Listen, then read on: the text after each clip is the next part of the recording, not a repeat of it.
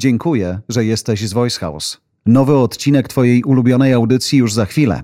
Ale mam prośbę. Szanowna słuchaczko i drogi słuchaczu, Wasze opinie są dla nas bardzo ważne. Pozwalają nam się rozwijać. Zasubskrybujcie nas na Spotify i Apple Podcast. Zostawcie krótką opinię. Co robimy dobrze, a co zmienić? Będę zobowiązany. Najciekawsze, najczęściej słuchane, najbardziej intrygujące, czasem najśmieszniejsze fragmenty audycji od Voice House. Słowem Best of Voice House. Bierzcie i słuchajcie tego wszyscy.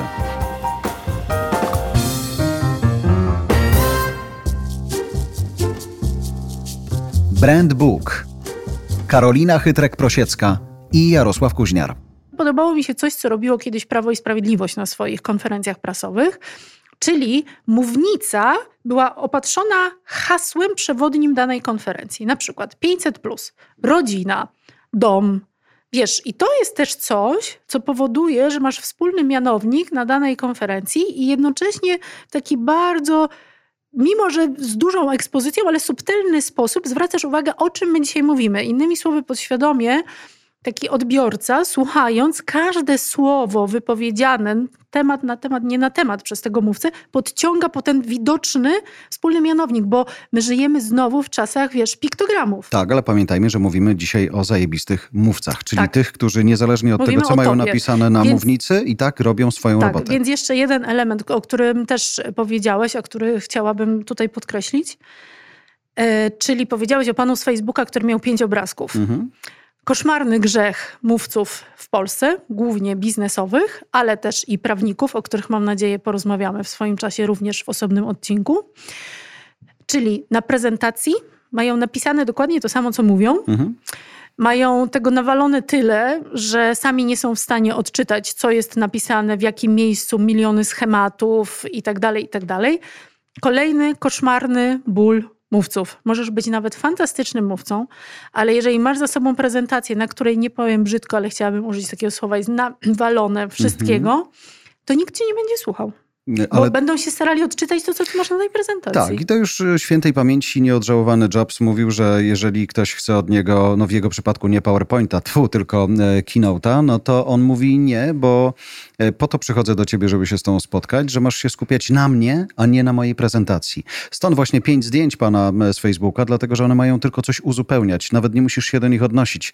Chyba, że są przełomowe i warto by było zrobić wtedy pauzę, ale to nie może być coś, co cię, co ci dopowiada coś, właśnie co dopowiada, ale nie, nie, jest tym samym, co mówisz. Wiesz, to jest dosyć zabawne, bo ja oczywiście robię prezentację, ale ofertując coś, ale w momencie, kiedy jestem e, prelegentem na, na jakiejś konferencji i zawsze dostaję pytania, czy będziemy mogli wysłać pani prezentację nie, naszym słuchaczom. Słuchaczom, czy tam widzom. Ja mówię, no tak, ale ona zawiera same obrazki. Więc nic im, ale jak to obrazki? Ja mówię, no tak to, no jakby ja przychodzę po to, żeby oni usłyszeli, co ja mówię, plus żebyśmy współ, współpracowali pracowali warsztatowo, nienawidzę robić wykładów. A nie po to, żeby oni czytali moją prezentację, bo przeczytać oni sobie mogą tysiące rzeczy w książkach, a oni oczekują praktyki. Wracając do mówców, masz takie poczucie, że e, w Polsce jesteśmy daleko od tego, jak wygląda ładne mówienie po angielsku w Stanach na przykład? że mówcy amerykańscy są lepsi niż mówcy europejscy? Bezwzględnie. Po pierwsze, zeszłabym bardzo nisko. W szkołach nie uczy się mówienia. W szkołach uczy się dukania, jeżeli się w ogóle czegokolwiek uczy. Nie uczy się dbałości o język. Oczywiście kwestia tego, że mm, młodzież w tej chwili bardzo mało czyta co powoduje, że no jakby niekoniecznie wzbogaca ten język. Ale zobacz, Ale... paradoksalnie bardzo dużo ogląda. Gdyby też e, wersja choćby TikTokowa czy inna uczyła ich e, fajnego występowania. A to TikTok cholerny przecież, Instagram e, to jest też public speaking. Bierzesz i no nagrywasz tak. 15 sekund i musisz zrobić Ale to Jarek, tak, żeby się przebiło. Ale ile razy ja oglądam jakichś po prostu żałosnych celebrytów, którzy robią takie błędy językowe, w części w treści, często w treściach sponsorowanych, sponsorowanych, że ja po prostu się łapię za głowę. To jest coś nieprawdopodobnego. Ale wracając do szkoły... Ale poczekaj, chcę ci powiedzieć, mhm. w szkole, więc nie uczy się tego, ale też nie uczy się dykcji. A to jest bardzo istotne. I potem masz ludzi, którzy y, mówią om na końcu, zjadają końcówki. Olga, to nie o tobie. Olga mówi om? bardzo. No Olga, to jutro Olga, to nie o tobie. mamy nie, nie, jutro nie, bierz lekcję, tego to zrobimy pół angielskiego, pół polskiego. Więc zjadają końcówki, mówią bardzo niedbale, robią mówią pieniążki na parkecie i po prostu co ja, wiesz, ja, ja, ja jestem purystką językową, choć oczywiście też popełniam błędy językowe, natomiast no, są takie momenty, w których no, dostaję gęsiej skórki, bo nie jestem w stanie tego słuchać, więc zobacz, już na etapie szkoły nie kształcisz w tych młodych ludziach umiejętności mówienia. W Stanach tak, bo tam najprostsze zadania, ja kiedyś byłam, słuchaj, na stypendium Departamentu Stanu i tam mieliśmy odwiedziny w szkołach różnych dzieciaków, które miały lekcje przedsiębiorczości. I one oczywiście w domach przygotowywały swoje biznesplany. Nieważne, Pitch is the king. I one musiały to przedstawić, zrobić właśnie prezentację, podzielić się rolami, opowiedzieć o tym mhm. w sposób ładny, ciekawy, Sprzedać po prostu sprzedać. To jest duży problem w ogóle. Y, pamiętam czasy SWPS-u i y, zajęć ze studentami, kiedy mówiłeś im, słuchaj, no dobrze, że chcesz być dziennikarzem, fajnie, trzymam kciuki za twoje marzenie, żebyś poprowadził fakty i że twoim największym problemem dzisiaj to jest lewy czy prawy profil, ale to jest zupełnie nieistotne, bo twój background jest tak daleki od tego, żeby usiąść o tej 19 i swoje zrobić, że po prostu skup się na pracy u podstaw. English Pro Olga Pietrykiewicz. Approach wymawiamy jako jedno, ale tak, piszemy jako dwa. Piszemy dokładnie approach. Jeszcze raz? Approach. Pięknie. Mam takie dodatkowe pytanie, choć znów ci, którzy są takimi twoimi hardcore fanami, powiedzą: przestań się wtrącać, przestań jej przerywać. Pozdrawiam Was serdecznie. E, czy mogłabyś usiąść przy mikrofonie, tak e, obniżyć go sobie nieco? Olga całe życie się uczy i będzie idealnie teraz. Dobrze. A ja wrócę do jednego też e, pytania dodatkowego. Dlaczego ja mam napisane tu materiały dla Jarka? Czy one wobec materiały dla nauczyciela są czymś gorszym?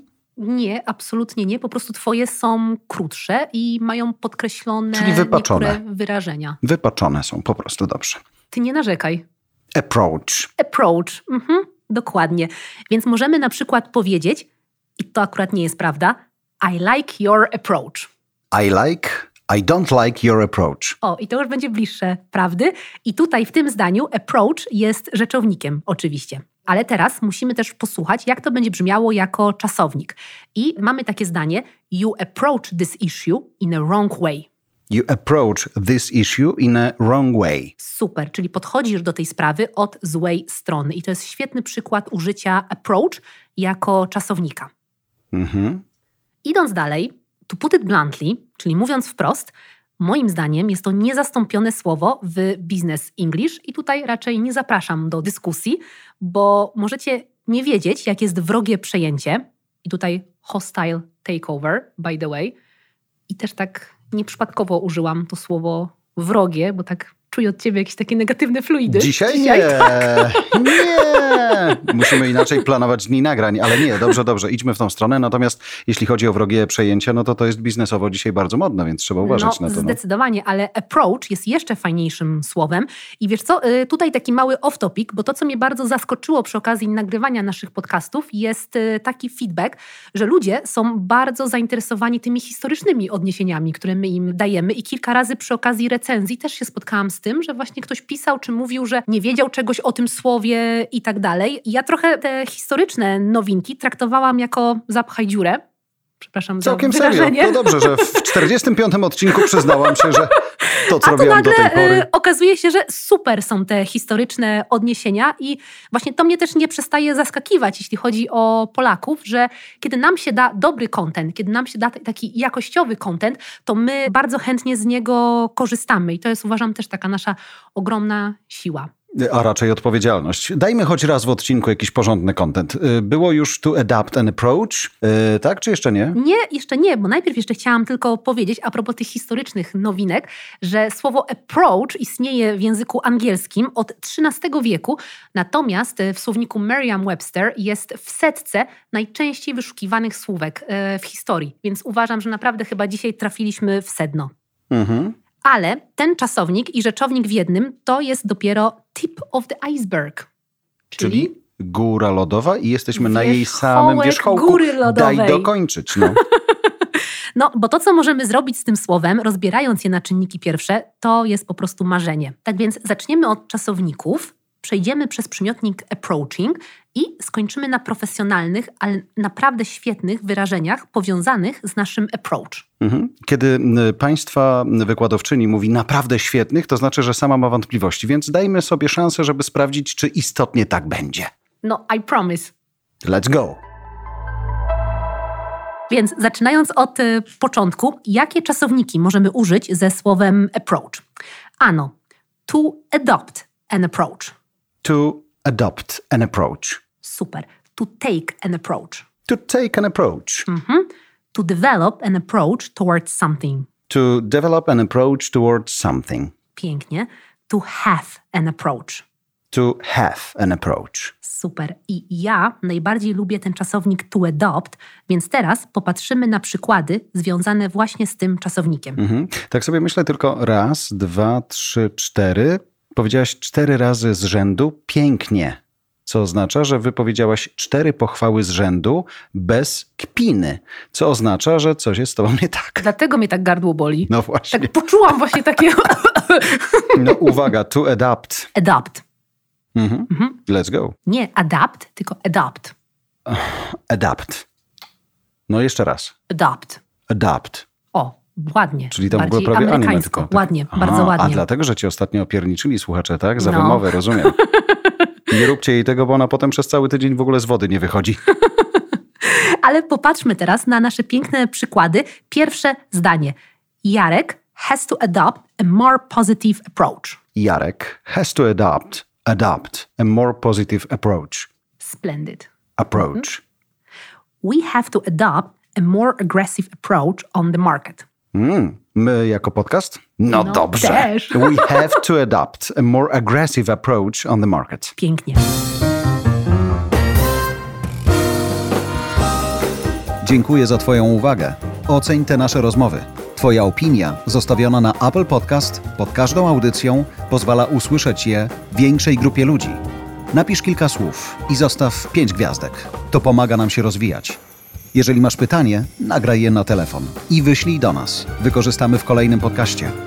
Zasubskrybuj także inne podcasty od Voice House. Znajdziesz je na każdej platformie podcastowej, w każdym kanale social mediowym.